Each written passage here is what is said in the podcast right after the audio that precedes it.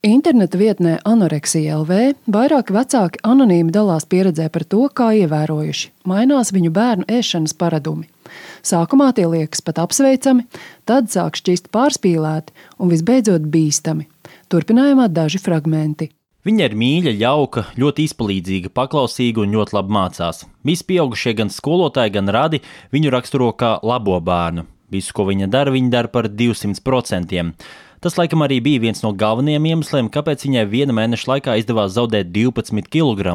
No sākuma viņa mainīja kā neveselīgos ēšanas paradumus, atteicās no saldinātiem dzērieniem, saldumiem un miltu izstrādājumiem. Visas izmaiņas ēdienkartē meita spēja pamatot ar veselīgu uzturu pamatprincipiem. Izmainījās ēšanas paradumi, katrs kumos tika rūpīgi sakošļāts, katrs produkts uz šķīvja sagriezts daudzos mazos gabaliņos, bet par galveno galda piedarumu kļuva mazā deserta karotīte, ar kuru tika ēsts viss, ko tikai var iedomāties. Meita palika miegaina un diezgan apātiska, ģērbās biezās drēbēs, jo viņai nepārtraukti sala. Manam dēlam nebija ne mazākā iemesla nomest svaru, lai uzlabotu izskatu.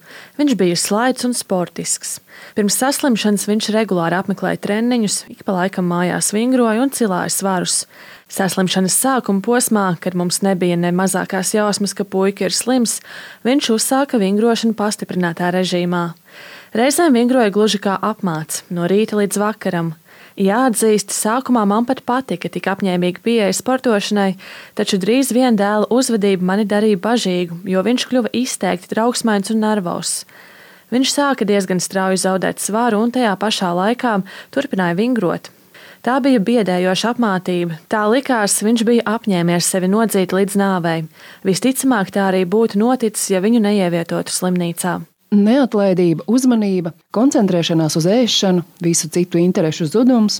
Šajos aprakstos atklājas vairākas pazīmes, kas raksturīgas ēšanas traucējumiem - anoreksijai, bulimijai, kompulsīvajai pārēšanās vai citiem.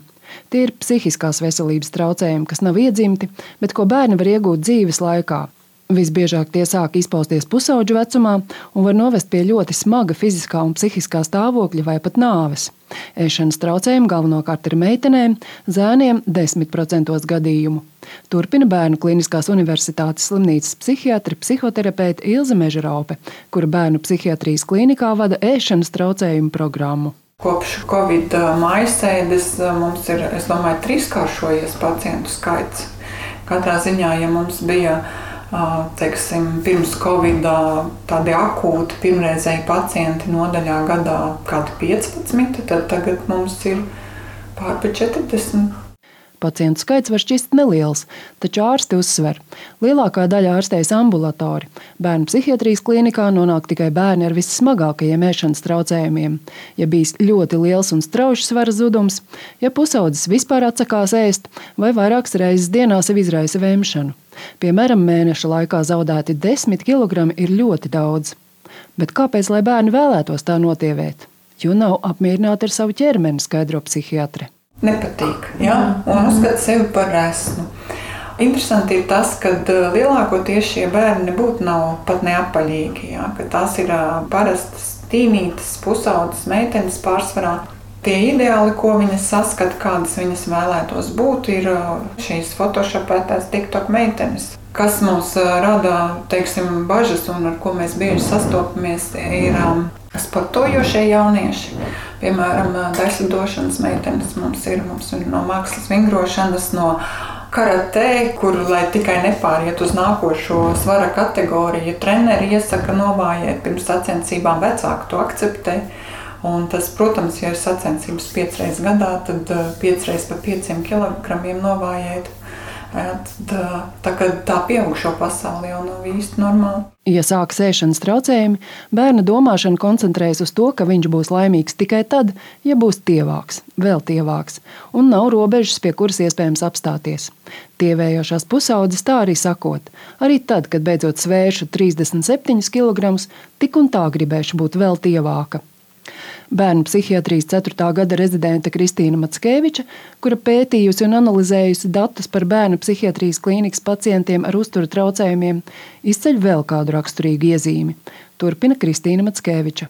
Un tad mēs arī vērtējām perfekcionismu iezīmes, tad lielākai daļai praktiski augstāk nekā 80% bija tās iezīmes, kad meitenes ir perfekcionistas, ka viņas grib būt pirmās ne tikai skolā, bet arī sportā, vienaudžu vidū, kaut kādās citās aktivitātēs, un arī novājēšanā, cipru skaitīšanā. Nu, Arī pacients stāsta, ka, ja ieraug uz cipriem vismaz 100 gramus mīnusu, tad uh, jau ir eiforija, tāds prieks, un tas ir tikai apliecinājums tam, ka nu, tas jāturpina uz priekšu. Bērni tievējot vēlas būt pamanīti, uzklausīti, pieņemti un mīlēti, uzsver abas ārstes. To, ka ir problēmas, visbiežāk pamana bērnu ginekologi vai ģimenes ārsti, retāk vecāki. Pieaugušo vidū un sabiedrībā kopumā joprojām ir maz zināšanu un daudz aizspriedumu par ēšanas traucējumiem, uzsver pērn augustā izveidotās biedrības ēšanas traucējumi palīdzību un atbalsts līdzdibinātāja Māja Petruse. Diemžēl praksa ir tāda, ka daudzi vecāki kautrējas kaut ko tādu darīt, runāt, jo arī nu, sabiedrība diezgan bieži nosoda tādas vecākas un tādas ģimenes, kur tas ēšanas traucējums ir radies. Bet tur nav ko kautrēties, jo tā ir slimība un tā ir jārastē. Jaunā biedrība sev nospraudus mērķus ne tikai sniegt atbalstu vecākiem un bērniem, tā vēlas panākt arī izmaiņas izglītības procesā, lai, piemēram, stundās runājot par uzturu, pieminētu ne tikai kaloriju skaitīšanu, bet arī to, cik bīstama tā var izvērsties. Ārstēšana ir ilga, Reti kurš pacients ir vesels jau pēc sešus mēnešus garā terapijas kursa. Vienam tie ir divi, citam trīs, vēl kādam vēl vairāk gadu, kuros no pusauģa jau pārto par pieaugušo. Šajā procesā milzīga loma ir ģimenei. Vecākiem jānoliek malā citi pienākumi, lai glābtu savu bērnu. Taču vispirms jāvēršas pie kvalificēta speciālista. Šim nolūkam bērnu psihiatrijas klīnikā izveidots speciāls konsultāciju tālrunis, kas atrodams vietnē Anoreksija LV, stāsta psihiatre Ilze Mežraupe. Šobrīd tā, lai atrisinātu šo jautājumu, kad bērniem ar ēšanas traucējumiem būtu ilgstoši kopējā rindā jāgaida bērnu psihiatra konsultācija. Un tā laikā šie traucējumi pastiprinās un riski paaugstinās.